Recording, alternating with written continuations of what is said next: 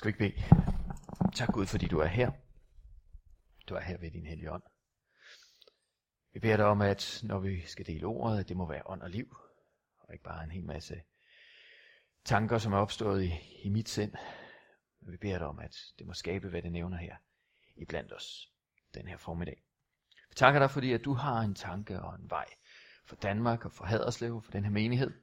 Og du inviterer os den her formiddag til at komme med ind og være en del af, af din plan, din frelsesplan for Haderslev by for Danmark. I Jesu navn. Amen. Ja, giv os åbne ører og et villigt hjerte. Guds nærvær, Guds, øhm, det tænkte jeg på vej herned, og øh, der er et eller andet skønt ved Guds nærvær.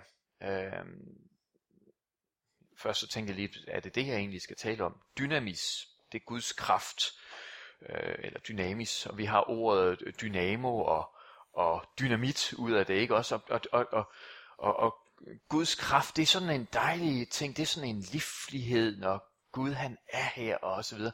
Men det er altså også nogle gange det leje sange sejtræk, ikke også? Altså som en dynamo, der simpelthen i os hele tiden fornyer vores gå på mod og giver os kraft til hver eneste dag og så videre. Så der er både den her livlighed, og, og øh, det, det kunne jeg mærke, når, når, når vi er her. Jamen her er der både den her livlighed, Gud han er her, men der er også sådan det lange seje træk. Øh, stadig, stadig fornyet gå på mod øh, vores lod af Herren. Når det er svært, jamen så søger vi ind til ham, og så bliver vi fornyet i, øh, hvad kan man sige, i hans nærvær ved, okay, han er stadigvæk trofast. Han er stadigvæk med. Vi tager lige en runde mere. Stadig fornyet gå på mod i hans nærvær, men stadigvæk også, men også den her livlighed ved, at han er her. Og han hører vores bønder, og han giver os fred, når, når vi giver ting over til ham, og, og, og øh, glæde, når vi tilbeder ham. Så øhm, ja, det kunne jeg jo godt tale om, men det vil jeg ikke. Øh,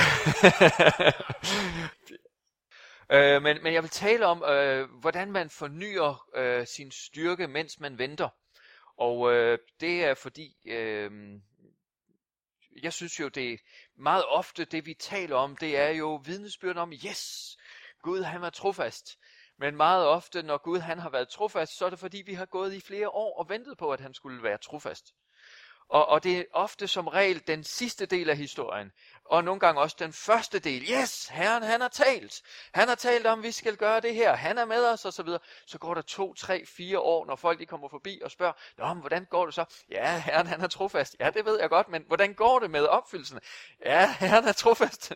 Kender I den periode der, hvor man ligesom ikke har så meget at fortælle? Man har ligesom lagt ud med, herren han, han har sagt, han har talt, det, det, det skal blive godt. Så går der en lang periode, hvor man egentlig ikke har lyst til at melde noget.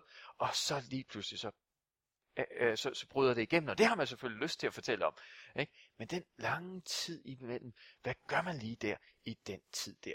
Jeg ved ikke, om, om jeres liv minder om, om vores liv, men vi oplever faktisk rigtig meget af vores tid som kristne. Den er i den tid indimellem. Hvor man bare tænker, åh Gud, jeg kan næsten ikke engang se, hvor vi startede henne, og jeg kan ikke, i hvert fald ikke se, hvor vi er på vej hen, men, men jeg ved, at jeg er på vandring, og, øh, øh, og, men, men Gud, hjælp mig lige i den her tid her. Hvordan, for, hvordan fornyer man sin styrke? Hvordan gennemlever man de tider der? Og, og hvad for nogle, øh, nogle, nogle udfordringer kom, kan man komme ind i? Og jeg synes, øh, jeg har faktisk hørt sådan folk prædike omkring det her en to-tre gange, og det har opmuntret mig meget. Øh, fordi at øh, jeg har taget den beslutning for lang tid siden, at hvis jeg for eksempel hørte en eller anden sådan, tænkte, wow, øh, Bill Johnson kan jeg godt lide at høre for tiden. Hvis jeg lige pludselig en dag hørte ham stå og tale om nogle af de pointer, jeg også har, har, har øh, tilegnet mig eller fået, ikke? så vil jeg blive tænkt, okay, jeg er ikke helt galt afmarseret. Øh, fordi at han også siger nogle af de ting, som jeg har sagt. Og så har jeg bare besluttet mig for, hvorfor kan jeg ikke lige så godt med det samme sige nogle af de ting, han siger. Øh, så derfor har jeg besluttet, at nogle gange, så, når, når, når, når, når jeg har nogle gode pointer og så videre, så er I meget velkommen til at tage dem, fordi jeg har sandsynligvis også taget dem alle mulige andre steder fra. Så øh, be free. Øh, øh, men jeg blev meget opmuntret, da jeg hørte, øh, det var som en fra Argentina, der kom og holdt meget lige øh, den prædiken, øh, jeg skal til at holde nu.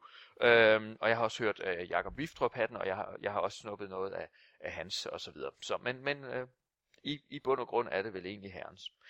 Øh, så feel free, øh, del det, og så videre. Lad som om det er jeres. Øh, det er alligevel ikke mit. Øh, så uh, Markus evangeliet øh, om Jairus' datter, helbredelsen af Jairus, Jairus' datter og kvinden med blødninger. øh, synes jeg er en helt fantastisk beretning. Øhm, den går ind og, og taler om, hvordan at Gud han beslutter sig for, at han vil gøre noget. Og han forkynder det, jeg kommer til at gøre det. Og så lige pludselig midt i det hele, så sker der øh, noget. Men hvis vi kigger i Markus evangeliet kapitel 5, det er en beretning, som står i alle tre evangelier, og øh, hvad kan man sige, der, der er sådan en rimelig konsensus om, om, om hvordan den her øh, beretning her, den er foregået. Så vi kan være ret sikre på, eller det kan vi selvfølgelig på, på, på hele Bibelen, men det her det er et eller andet, som, som betød noget. Det er altså en beretning, som blev, blev fortalt flere gange af, af evangelisterne osv. Så, så, og mange af detaljerne er med i alle tre evangelier, så, så det, øh, det har gjort indtryk på disciplene. De har fortalt om, men kan du ikke huske, og så skete det, og så skete det. Øh, så derfor er det okay at gå ind og tænke, og alle tingene, alle tingene i, i den her beretning har faktisk betydning. Det blev taget med, det blev overleveret, fordi at det betød noget også for dem dengang. Øh, Jesus han var sejlet til den anden bred af søen, og der samlede sig en stor skar om ham. Mens han var nede ved søen, så kommer der en synagogeforstander. Han hed Jairus, og da han så Jesus, faldt han ned for hans fødder og bad ham indtrængende, min lille datter ligger for døden, vil du blot komme og lægge hænderne på hende, så hun kan blive frelst og leve. Så gik Jesus med ham, og en stor skare fulgte efter og trængtes omkring ham. Her, her er der flere elementer med inden. Jairus, hans datter er syg. Jairus han er synagogeforstander, det vil sige, han, han har med fariserer og så videre at gøre. Farisæerne har taget afstand for Jesus. Øh, en synagogeforstander er en, der i den religiøse sammenhæng har en vis status. Og den status, som han var en del af, havde faktisk besluttet sig for, eller Jesus han er ikke en af os, det er ikke ham, vi vil lege med. Men, men Jairus, han et eller andet sted, så er han desperat, og han tænker, okay, det er godt nok ham, vi har lagt afstand til. Det er ham, som vi har ligesom prøvet at, at udelukke fra synagogerne, og hvis nogen følger efter ham, så skal de også udelukkes af synagogerne. Det, det havde farisæerne besluttet, og alligevel så tænker han, men jeg er desperat. Jeg, jeg tror, der ligger nogle ting, der ligger en lektie der. At Gud han ønsker faktisk at svare vores bønder, men han ønsker også nogle gange og presse os lidt, sådan at der ikke er nogen andre muligheder end ham. Sådan, der vil han egentlig gerne have os. Ja, Jesus han var der. Prøv at lægge mærke til, at han var nødt til at se fuldstændig bort fra, øh, fra status. Han var nødt til at bryde med det. Er jeg, er, jeg, er jeg afhængig af status? Vil jeg sætte status højere end, end, end at søge Gud for et mirakel? Eller er jeg parat til at sige, okay, det her det kan koste mig.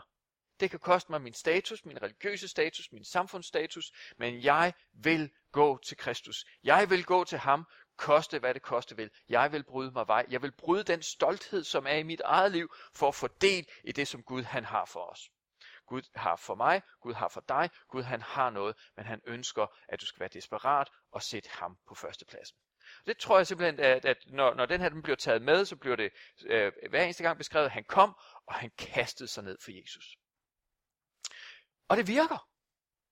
Der står i, i, i Matteus evangeliet, der står det faktisk, Jesus rejste sig op og gik med ham. Der står altså, han, han rejste sig op og sagde, ja, jeg vil gå med dig. Her står det bare, at han fulgte med. Men det, men det er som om, at han, han øh, jeg synes, det står lidt, lidt bedre i, i Matthæus. Det er som om, Matthæus lige har fanget det der, men Jesus siger, yes, nu rejser jeg mig op, og jeg begiver mig på vej med det formål, at jeg vil komme til dit hus. Og jeg tror på, at der sker et eller andet, når Jesus han siger, ja, jeg vil komme til dig.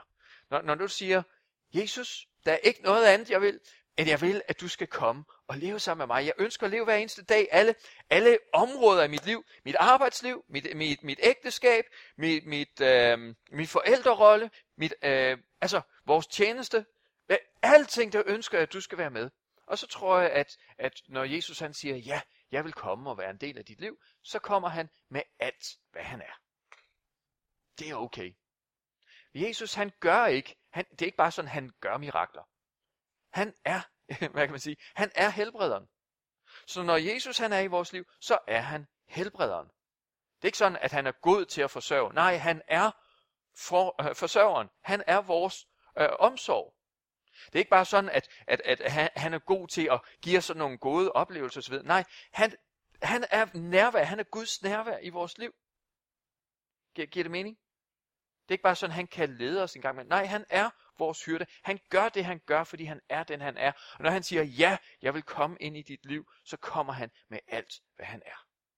Og jeg tror på, at, at, at øh, Guds sandheder ikke bare er nogle sandheder, som, som vi kan gå og glæde os over, men jeg tror på, at hver eneste af Guds sandheder er en invitation til os om at komme ind og lære ham bedre at kende. Vores del er Herren. Og når vi er i svære tider i vores liv, så er vores del stadigvæk Herren. Øh, for så vidt, at vi i de svære tider, der søger vi ind til ham, søger trøst og siger, Herre, jeg har brug for at lære dig bedre at kende som min, som min forsørger. Herre, jeg har brug for at lære dig bedre at kende som min, min tryghed, som mit værn. Jeg har brug for at lære dig bedre at kende som klippen i mit liv. Jeg tror ikke, at øh, jeg tror ikke bare det der, men han er min klippe. Yes, at det bare er en, en sandhed, som vi kan glæde os over. Nej, det er en invitation til at komme ind og lære ham at kende. Han er vores læge. Gi- giver det mening, det jeg siger? Jeg håber, det, det, øh, altså, det er nogle af de ting, som jeg har måttet lære på en eller anden måde, faktisk øh, efter mange år som kristen, går det lige pludselig op for mig, sådan nogle ting, at, at jeg egentlig altid har siddet og tænkt, nej, hvor er det dejligt med alle de her sandheder her. Men at hver eneste sandhed er der øh, som en, en del af det veldækkede bord, som Gud han tilbyder mig. Jeg siger, se her, det er det, jeg ønsker at være i dit liv. Øh, men Jesus han kommer med alt, hvad han er, og han kommer ind i Jairus' liv. Øh, min datter ligger for døden, vil du blot komme? Og så gik Jesus med ham. Men, men, der var en kvinde, som i 12 år havde lidt af blødninger, og som havde døjet meget af mange læger og brugt alt, hvad hun ejede, uden at det havde hjulpet hende. Hun havde tværtimod øh, fået det værre. Hun havde hørt om Jesus, og hun kom frem i skaren bagfra og rørte ved ham. Rørte ved hans kappe, for hun tænkte bare, at rør ved hans kappe og bliver frelst, og straks udtørret kilden til hendes blødning, og hun mærkede i sin krop, at hun var blevet helbredt for lidelsen. Jeg ved ikke, hvordan du har det. Jeg ved ikke, hvordan du har det, men, men jeg elsker at snyde. Nej, nej, det passer ikke. Det er forkert sagt. Men jeg elsker at vælge den kø i Bilka, som går hurtigst. Der er sådan en lille hverdagen små glæder over det her, hvor jeg sidder og tænker, okay, kigger hvor mange varer der er i den øh, indkøbsvogn der, da, da, da, da, da, og sidder og tænker, ah, hun er garanteret sådan en, der betaler kontant, så skal hun penge tilbage. Jeg tager den her. Ej, alle de ting, som skal høre rundt, det er selvfølgelig mere eller mindre bevidst, men nogle gange er det meget, meget, meget bevidst. Og især, når man stiller sig i en kø, hvor der er sådan en ny job, ting ved kassen, og man står bare og tænker, åh, okay. Tre i køen foran, der er syv derovre, og så står man der og kalkulerer, da, da, da, øh. Kender ikke det der med, med at, åh, det, det er så fedt, at tingene går hurtigt, man har valgt den rigtige kø, og man, man, da, da, da, man, man, man sidder og tænker, øh, at, at nu kører det bare for os. Øh, og morgenen der øh, kører jeg på arbejde, og øh, det er noget lignende det samme. Øh, øh, øh, folk i Danmark, eller folk i Danmark, det ved jeg ikke, jeg er jo også trafikken i Danmark, kan man sige. Men, men, men, men de der sammenflætninger, der ligger der, man er to af i, i, øh, i, i Kolding, hvor man skal køre lidt ligesom sådan en lynlås. Ikke? Det er der nogen, der godt lige kan lide at gasse op, Øh, og så sidder man og tænker, okay, vi kan godt lige presse to ind foran den bil der, og sådan nogle ting. Kender I ikke det? Okay, nej. Det, det, hver eneste morgen, så ligger jeg der og tænker, okay, øh, hvem får lige foran først frem og har retten øh, til at komme frem. Og, og, og det er bare så fedt at komme foran, og det er bare så irriterende at blive snydt og miste den plads, man lige havde set.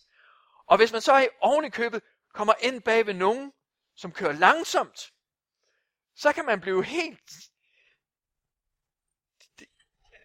Og mine børn, og, og, og jeg er ikke særlig kristen der om morgenen, og mine børn de siger, sådan den milde udgave er, at når talen siger, far du siger så mange sjove ting, når vi kører om morgenen, så lader vi den være der. det er ikke særlig rart at blive snydt foran. Og især ikke, når man, når man tænker, det her, det er afgørende, at de her ting her, de kommer til at ske. Og jeg længes efter, at de skal komme til at ske. Giv det dog bare vil ske så hurtigt som muligt. Sådan havde jeg Ios det med sin datter. Min datter ligger for døden. Jeg er ligeglad med status. Jeg er ligeglad med, med hvad jeg har miste. Jeg har brug for Gud, at du kommer med, hvad du er, ind i mit liv. Læg hænderne på min lille datter, så hun kan blive helbredt, så hun kan leve. Og Jesus siger, ja, jeg vil komme, mens de er på vej. Så kommer der en. Og det er fantastisk. Tænk engang, vi kan række ud efter Gud, og Gud han stopper op. Midt i det, han siger, han, han kigger ikke efter, øh, han har en plan. Han kommer ikke for sent. Det ser vi jo i slutningen. Nogle gange kan det virke på os, men, men midt i alt det, som, som Gud han er i gang med, så stopper han også op over for den længselsfulde. Hvor er det fantastisk, men hvor er det træls, når han er på vej ind i mit liv, at han så stopper op. Giver det mening? Det er helt fantastisk, at du kan strække ud i dag også, sige, Gud, du har, du har nødt til at gribe ind, og Gud, han har ikke for travlt til at gribe ind i dag i dit liv. Men nogle gange, og det må vi også lære her, nogle gange, så er vi også, og det er herligt at være, være kvinden med blødninger. Det er helt vildt fantastisk. Det er en fantastisk beretning. Det giver meget opmundring. Men, men den anden side af det er, at Jairus, han står der, og han statter livet render ud af hans datter, mens han står og venter. En fantastisk beretning om, at du kan række ud i dag, og, øh, øh, øh, og, og, og din længsler kan få Guds opmærksomhed, og han har ikke for travlt til at gribe ud, øh, gribe ind i dit liv i dag. Men Jairus, han blev sat på standby. Og nogle gange, det er begge dele. Begge dele er en del af det kristne liv.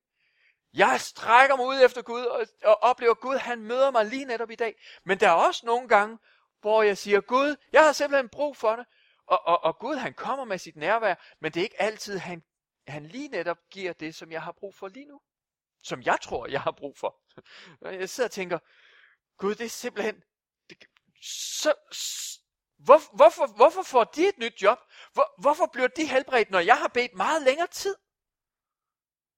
Er der nogen, der har prøvet at blive sat på standby? Jeg tror, vi alle sammen har prøvet det. Alle sammen har prøvet den frustration, øh, en oplevelse af, at Gud, det er herligt, og jeg kan glæde mig over dem, som, som, som øh, bliver mødt med Gud. Men jeg har også brug for at blive mødt af dig. Hvorfor bliver jeg nogle gange sat på standby? Gud, hvorfor? Du ved, du kender mit liv. Jeg ved ikke helt, hvordan, øh, hvordan I har det med, med, med de tider. Jeg hader dem. Rent udsagt. Jeg synes, det er så træls. Og især når der er noget vigtigt på spil. Vi oplevede det jo for, for to og et halvt år siden. Vi oplevede, at vores tid i kirken var slut. Og, og, og vi gik egentlig bare og ventede på, at Gud han ville vise noget andet. Og det gjorde Gud bare ikke. Og vi havde allerede meldt ud, fordi det kan man jo godt lide, når Herren han taler, man kommer til en overbevisning. Vores tid i skærne er slut. Så gik der lige et år, og folk tænkte, ja, det kan godt være, at du har taget fejl, Simon. og vi tænkte, nej, vi voksede i den overbevisning om, at vores tid var slut, men vi var der jo bare alligevel. Og, og, og vi kan godt lide at vidne om, at så lige pludselig i Guds timing her sidste år, så lagde alting sig til rette. Men der gik altså to år, før alting lagde sig til rette. Giver det mening? Det her, det var nogle af de nemme ting. Det, ja, de grå hår vidner om, at så nemme var de dog heller ikke. Men, men, men, men der er ting, som kan være meget, meget svære i vores liv. Økonomi. Relationer. Helbred. Tjeneste. Vi har alle sammen oplevet tidspunkter, hvor vi har sagt, Gud, det er tid for, at du griber ind. Og vi får det igen og igen. Vi kommer til et møde. Nogen, der bekræfter og siger, yes, Herren har ikke, øh, hvad kan man sige, glemt de løfter, han har talt ind over dit liv. Og det bliver bekræftet, og vi tænker, yes, det var da herligt. Og så alligevel, så er det som om, at vi er inde i en tid, hvor, hvor Gud, han, han, øh, han har bedt os om at vente. En ventetid. Og lige netop i de tider, synes jeg, det er svært, meget svært, at blive overhalet. Jeg hader at blive overhalet i trafikken. Jeg bryder mig ikke om det i køerne i Bilka. Men når det gælder om de ting, som jeg længes efter for Gud, så er det svært at glæde sig over at blive overhalet. Nogle gange tillader Gud, at du bliver overhalet og selv omkring de ting. Men jeg har et ord til dig også i dag. Gud kommer ikke for sent med sit mirakel. Fordi hvis vi læser beretningen videre, så er det som om Gud han giver den en skal mere. For mens de står der, endnu mens han talte, kommer der nogen fra synagogeforstanderens hus og siger, din datter er død. Prøv lige at forestille dig, der står her, at så kom hun frem og fortalte alt, som var sket. Og nu skal jeg ikke blande mig, øh, rode mig ud i et eller andet. Men vi ved godt, når en kvinde skal fortælle, hvad det er, der er sket. Nej, undskyld. Men, men der står, hun kom frem, og så fortalte hun om alt, hvad der var sket. Og det, det var taget med. Der var sket rigtig meget. Hun fortalte om, det var 12 år med sygdom. Det har hun ikke lige fortalt på et par minutter. 12 år med sygdom og alting. Og Jesus stopper op, helbreder hende, og giver sig tid til at lytte til beretninger, og beretninger er taget med hos alle evangelister. Så man har fået tingene med. Og Jesus han står der og tænker, er det nu så vigtigt? Ja, det er dejligt, du blev helbredt. Må det ikke være min tur nu? Og mens han står der, utålmodig siger, Gud, jeg... tiden løber, løber fra os. Jesus, du har sagt, du vil komme med, og det blev bekræftet, og vi er på vej. Så kommer det. Lad være med at besvære ham mere. Din datter er død. Som om det ikke var slemt nok, så går det fra slemt til værre. Jeg ved ikke, hvordan du har haft det i dit liv, hvad, hvad du har gennemlevet osv., men en gang imellem, så går det fra slemt til værre. Og det er bare, hvad kan man sige, det er ikke fordi Jesus han ikke er virkende i Jesus' liv. Han har sagt, jeg kommer. Jeg kommer og griber ind i dit liv. Jeg har sagt, jeg er på vej i dit liv.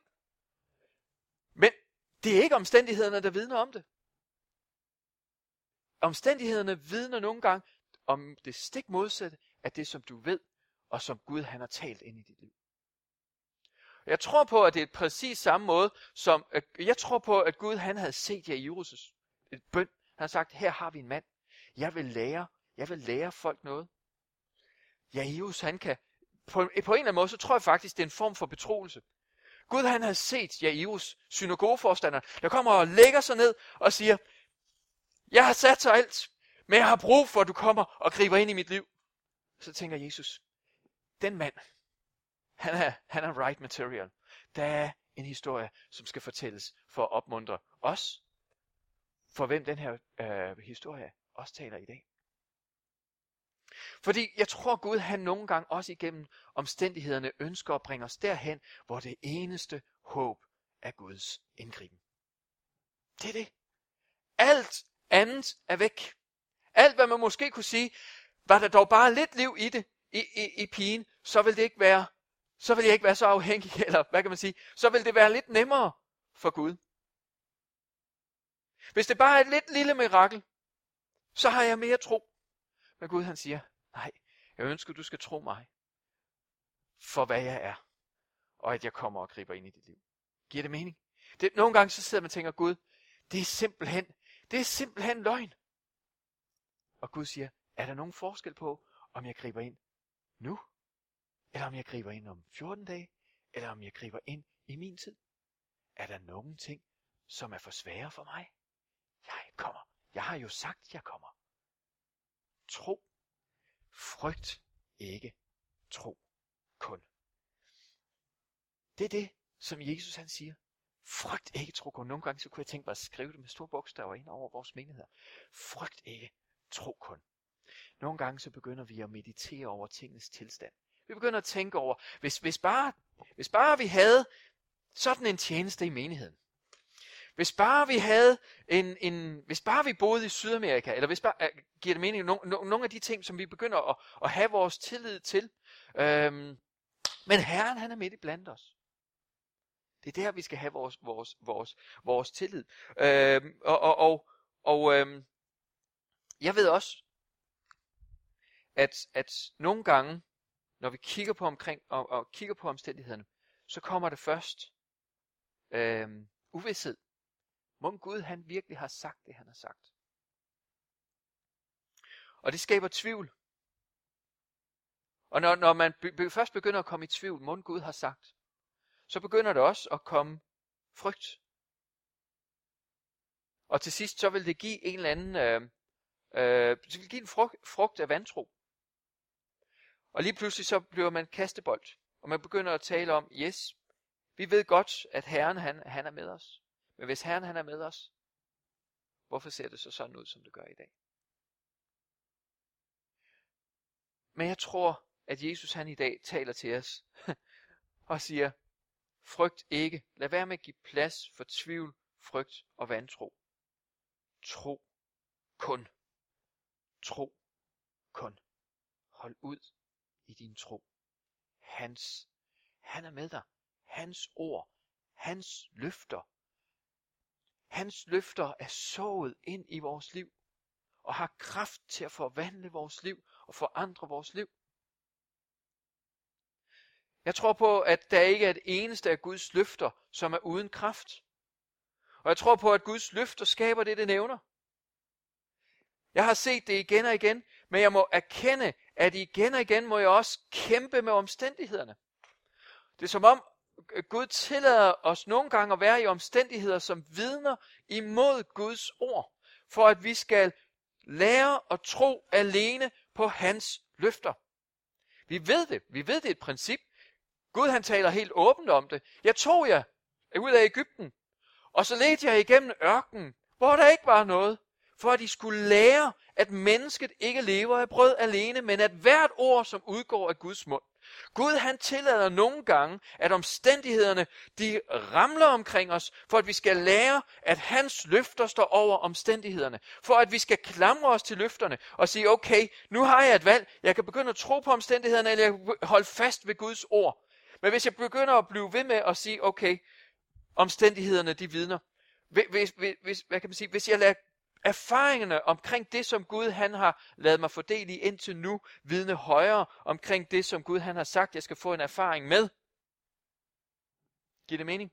Så, så er jeg bange for, at jeg ikke får en erfaring med det, som Gud han har lovet, jeg skal få en erfaring med. Giver det mening, det jeg siger? Altså, hvis, hvis jeg begynder at sige, øhm, men jeg har, jeg har en erfaring med, at øh, Gud han skal nok hjælpe mig, men jeg skal godt nok også arbejde hårdt. Øh, nej, det er der sådan set ikke noget i vejen med at arbejde hårdt. Men, men, men, men altså, øh, jeg, jeg tror på, at, at, øh, at det er måske nemmere at komme med et eksempel. Jeg har ikke, jeg har ikke øh, hvad kan man sige, øh, det, der hvor jeg har oplevet det stærkeste eksempel, det var for nogle år tilbage, jeg tror også, jeg har delt det med jer, at, at øh, Nathaniel, vores søn, han er nu øh, 14 år, han, øh, der var nogle komplikationer under fødslen. Øh, og vi stod der, jeg kan huske, hvordan vi stod op øh, i, øh, hvor var det? Det var i Randers, Randers sygehus. Og vi stod med sådan et lytteapparat på. Jeg ved ikke helt, hvad der er normalt, og hvad der ikke er normalt. Så mange fødsler har vi heller ikke haft alligevel. Men, men, men, men, men vi stod bare med den der lytter på der, og der var komplikationer, og vi kunne høre hans hjertebanken forsvinde. Du kunne, du kunne, du kunne, du kunne. Og så var der jo, jeg skulle lige til at sige, den tid, der føles som årtusinder. Du kunne, dukuk, dukuk, dukuk, dukuk, og så kørte den igen. Og så gik den ud igen. Dukuk, dukuk. Og vi stod der og tænkte, Gud, det er simpelthen ikke rigtigt. Vores, vores barn der, hvad, hvad sker der Gud? Øhm, og så fik vi et ord. Jeg skal leve, ikke dø, for at kun gøre Herrens gerninger. Han tugtede mig hårdt, men han overgav mig ikke til døden. Står i salme 118. Jeg skal leve, ikke dø. Og derfor stod vi, at der var et ord over vores søns liv. Der var nogle løfter. Og jeg kan huske, så gik der nogle år, fire år, nej, tre år. Han var tre år, tror jeg, han var, ja. Og øh, Christina øh, var gravid med Samuel og skulle spise nogle jerntabletter, og det gjorde hun selvfølgelig. Og, men hun glemte at smide jerntabletterne ud, da Samuel så var født. Og de stod bare fremme. Og da Samuel, han, Nathaniel han var tre år, så tog han lige og tømte hele glasset af de her jerntabletter. Og der sker et eller andet, når man fylder sig med jerntabletter, så binder det nogle ting i blodet. Jeg kan bare huske, jeg kom ind, og han lå inde i sengen, og hans øjne var helt tomme. Og øhm, mens jeg, jeg står der, og står og tænker, åh oh, nej, så kommer jeg i tanke om det, som Gud han har talt over min søns liv. Og jeg må erkende, jeg er desperat, så jeg råber du skal leve, ikke dø, for at kun gøre Herrens gerninger. Og så ringer jeg selvfølgelig til, til hospitalet og siger, jeg har min søn her. Og han kaster op, og der kommer sådan en stor sort... Øh, og jeg ringer til hospitalet og siger, min søn han har spist et helt glas af jerntabletter. Kom ind med ham med det samme, han skal til udpumpning. Siger du, skynd dig, så hurtigt du kan. Øhm, og han ligger, altså det, der, som gør mest indtryk på mig, det er, at han ligger, øh, som om man har pillet batterierne ud af ham. Øh, ligger bare og kigger på, på mig der. Og jeg bliver øh, skrækslagen. Så siger han, at han har kastet sådan en stor sort plamage op. Den ligger lige øh, ved siden af ham. Så siger han, Nå, hvis han har kastet op, så skal du ikke bekymre dig. Så kommer han sig. Så skal du bare give ham noget at drikke. Og den der pff, chok, man, man ligesom kommer i. Men, men det som er, er, er min pointe er, at der oplevede jeg, at der var et ord for Gud at stole på. Og jeg, jeg oplevede, at der kom Gud lige og siger, frygt ikke, tro kun.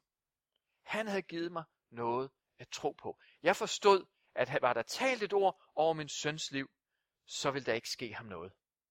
Jeg råbte, jeg var i anfægtelser, men Herrens ord bare igennem. Og vi ser her, hvordan at Jesus han vender sig imod Jairus og, Jairus og siger, frygt ikke, tro kun. Og det er simpelthen et ord, som, som jeg har oplevet givet ego helt op til, til mit eget liv, til min søns liv. Frygt ikke, tro kun. Frygt ikke, tro kun. Herren, han ser til din situation. Han kommer ikke for sent. Han har besluttet sig for at gribe ind i dit liv. Og midt i det hele, så kommer de så til, til stedet der, hvor øh, de kommer til huset. Og så siger så kommer der lige sådan tre gode råd fra, fra The Master himself. Jesus han tillod ingen andre at gå med ham end Peter, Jakob og Johannes. Der er nogle kriser i dit liv, hvor du skal være omhyggelig med, hvem du giver taleret. Beklager meget. Det er ikke sådan et eller andet, så nu skal man forme sådan nogle, nogle eksklusive selskaber osv. osv. Men der er nogle gange, hvor du er nødt til at omgive dig med nogen, som taler tro ind i dit liv. Jesus, han havde brug for det. Han tillod ingen andre at være sammen med ham, end Peter, Jakob og Johannes. Jeg ved også nogle gange, hvem jeg skal ringe til, og hvem jeg ikke skal ringe til, når krisen den krasser. Sørg for at have nogen omkring dig, som taler tro ind i dit liv. Giver det mening? Sørg for at have nogen omkring dig, som taler tro ind i dit liv. Så kom de til synagogeforstanders hus, og han så en larmende håb, som både græd og jamrede meget, og han gik ind og sagde til dem, hvorfor larmer I græd i? Barnet er ikke død, hun sov grund, der lå de af ham. Men han jog dem alle sammen ud. Der er sådan også nogle gange, vi har brug for sådan en form for mental hygiejne. Når folk de begynder at sige, er du nu sikker på, at Gud han har talt? Væk med dig. Vi, vi, har, vi har oplevet det, I kommer til at opleve det, I har, nogle af jer står måske i det og siger ting. Det du siger, det taler imod det Gud han har talt, så det vil jeg ikke lytte til. Jesus han jog dem alle sammen ud. Han sagde, jeg ved hvad der skal ske her. Væk. Ud. Nogle gange er vi nødt til at jage vores vantro og vores tvivl og frygt væk ud fra vores liv og sige, den stemme der, den slukker nu. Det er ikke altid nemt. Nogle gange så er det folk, som er aller, aller tættest på. Nogle gange er det endda folk, som vil dig det allerbedste, som begynder at sige, er du nu sikker? Simon, tror du, at du skal gøre de her ting her?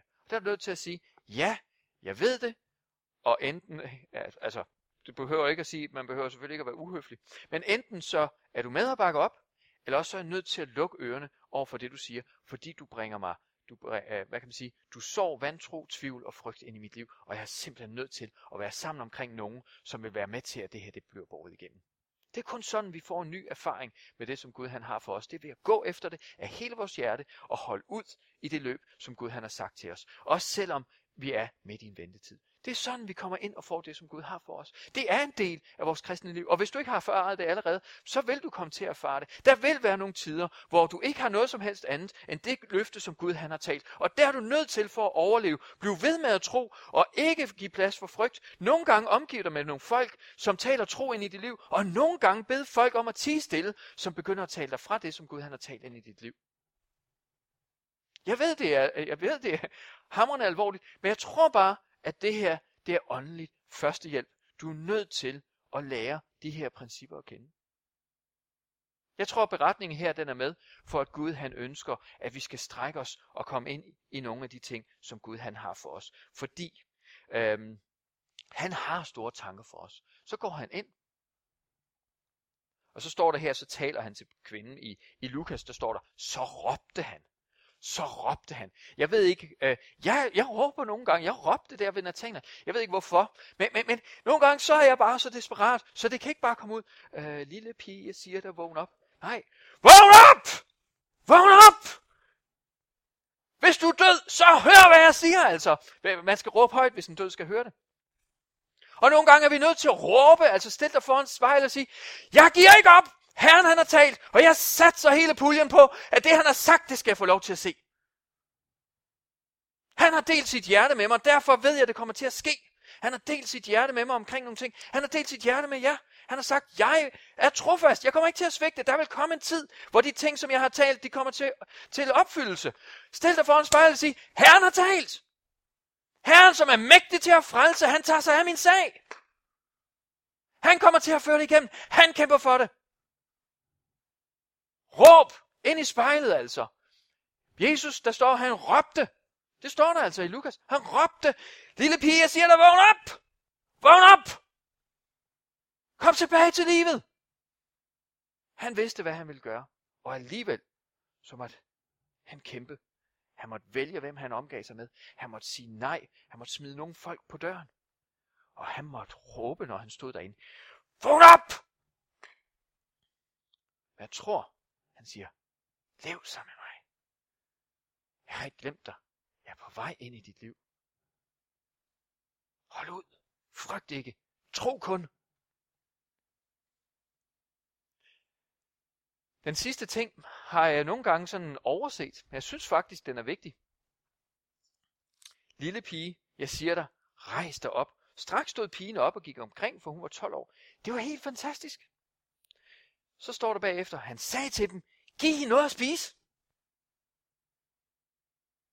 Jeg, for det første så synes jeg, det er helt fantastisk, at, at, at Jesus han, han har omsorg. Han tænker, okay, nu er du blevet helbredt. Lad os lige følge den til dørs. Er du sulten? Det synes jeg er helt vildt sejt. Altså det viser virkelig Jesu format. Altså. Han har ikke travlt med at gøre mirakler. Han har travlt med at helbrede mennesker. Ikke? Altså, giver det mening? Altså, det, det er for menneskenes skyld, at han gør det, han gør. Det er ikke for, at han får en eller anden. Jeg synes, det er så sejt, og sådan et format over det. Men der er også en anden ting ved det. Det han siger, hold lige liv i hende der. hold lige liv i dit mirakel. Sørg for, at du ikke glemmer, hvad Herren han har gjort. Hun er et omvandrende vidnesbyrd i den her familie og i, den her, i det her nabolag. Sørg for at give hende noget at spise. Sørg for, at hun har det ordentligt.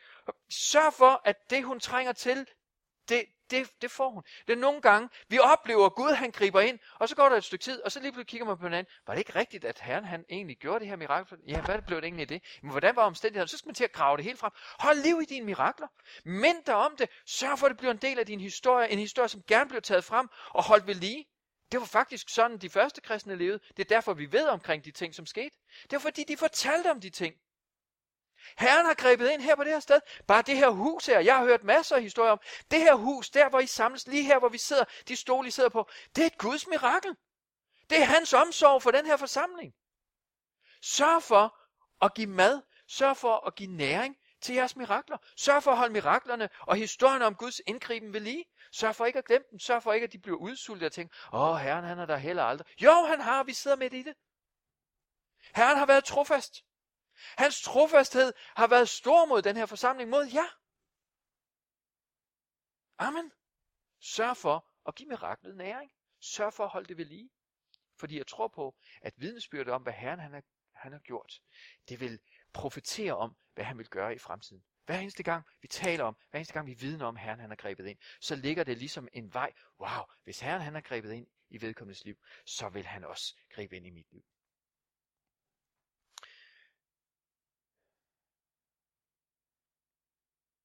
Jeg tror, at, at, at øh, alvoren i det her ord her, øh, er så, øh, hvad kan man sige, de fleste af os gennemlever jo de her tider. Og har, nogle gange så sidder vi og tænker, Gud, jeg har bare fået nok af den her ventetid. Jeg ved ikke, hvordan du har det, men nogle gange så sidder jeg og tænker, jeg har bare fået nok. Men du er nødt til at forstå, vi er nødt til at forstå, jeg er nødt til at forstå, min del, min lod Igennem alle svære tider, så leder han mig ind for at lære ham bedre at kende. Han er i mit liv. Han er på vej med mit bøndesvar. Han ønsker bare, at jeg skal holde ud i tro og ikke frygte i det, som han har. Øhm, jeg ved ikke, hvor du er henne i dit liv i dag. Jeg tror på, at vi kan bede og hjælpe. Jeg tror også, vi, vi, vi skal gøre det. Simpelthen bede for hinanden, opmuntre hinanden. Nogle gange så, jeg ved ikke, det er sådan en pussy ting, det er altid nemmere for, for os at, at have tro for andre, ikke? Det ved jeg ikke. Sådan er det i hvert fald for mig. Det er i hvert fald altid nemmere at profitere ind over andre folks liv og sige, Gud han har store ting for dig. Det er simpelthen det er fantastisk. Jeg kan se de gaver, som, som bare flyder fra dit liv. Ikke? Det er meget nemmere end at... Uh, så kan man miste helt modet. Ikke? Så derfor er det en god ting lige at bede for hinanden og sige, okay, hvor, hvor du er hen. Jeg tror på, hvis du i dag er i, i anfægtelser, så vil Gud give dig et ord til at forny din tro. Han vil simpelthen tale, jeg har ikke opgivet. Jeg er stadigvæk med dig. Han er midt i blandt os med sit ord. Han giver os næring ved sit ord, ved sine løfter. Så skal vi i dag få lov til at opleve, han har ikke vide, altså han, er, han har ikke forladt os. Han er her stadigvæk med sit ord. Hans ord er levende og mægtigt. Det er, det er ånd og sandhed midt i blandt os. Og hvis du oplever, at du har svære tider, så er, vi, så er vi et fællesskab her, hvor vi beder for hinanden, beder om Gud. Vi er desperate for at se din indgriben. Vi ved, du stopper op, når du ser et desperat menneske, fordi du ønsker at møde desperate mennesker. Her er vi her. Stop op. Grib ind i vores liv. Og også nogle gange, så bare begynder at tale tro. Vi ved, Gud han har talt ind i dit liv. Hold ud. Vi står sammen med dig. Vi tror på, at Herren han har store løfter ind, for, ind i dit liv. Fordi jeg tror på, at i meget store dele af vores liv, der går vi igennem en ørkenvandring. Hvorfor? Fordi Gud han har langt bedre ting, langt større ting til gode for os, end det vi har set. De ting, vi, vi længes efter nogle gange, det var ligesom øh, dem i ørkenen, ikke? også de længes tilbage. Åh, kunne vi bare komme tilbage til Ægypten? Come on, mand. Altså, nogle gange længes vi efter, kunne vi bare få. Men det vi nogle gange kalder for godt, er bare middelmådet i forhold til den herlighed, som Gud han har for os. Derfor lader han os nogle gange vandre igennem tørre tider. Det er fordi han har langt, langt mere for os. Langt mere for den her menighed. Langt mere for hver enkelt af jer. Derfor går vi nogle gange igennem tørre tider, for at vi skal lære, at han har langt mere for os. Men den nøglen til det, det er, kom ind i hans nærvær. Begynd at leve ved hans ord. Så skal vi se, han står ved sit ord. Han skaber det, han nævner. Hans ord er mægtigt midt i blandt os. Også den her formiddag. Amen. Bliv opmuntret. Der er kamp forud. Amen.